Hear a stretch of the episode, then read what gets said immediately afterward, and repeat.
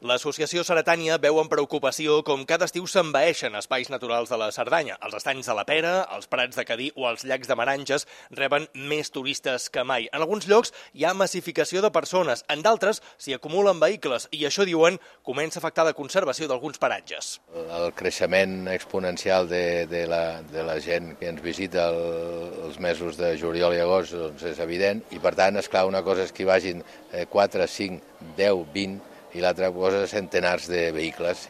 Frederic Avelló és president de l'associació Ceretània. Demanen als ajuntaments de la Cerdanya que regulin els accessos a aquests espais, que hi controlin l'afluència, però lamenta que no els fan cas.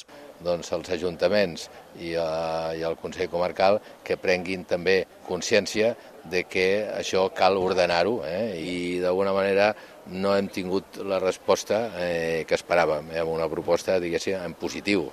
De moment, l'Ajuntament de Lles de Cerdanya ha restringit el pas a indrets emblemàtics com Pollineres o els estanys de la Pera, on s'havien trobat amb col·lapses i cotxes aparcats a la muntanya de qualsevol manera.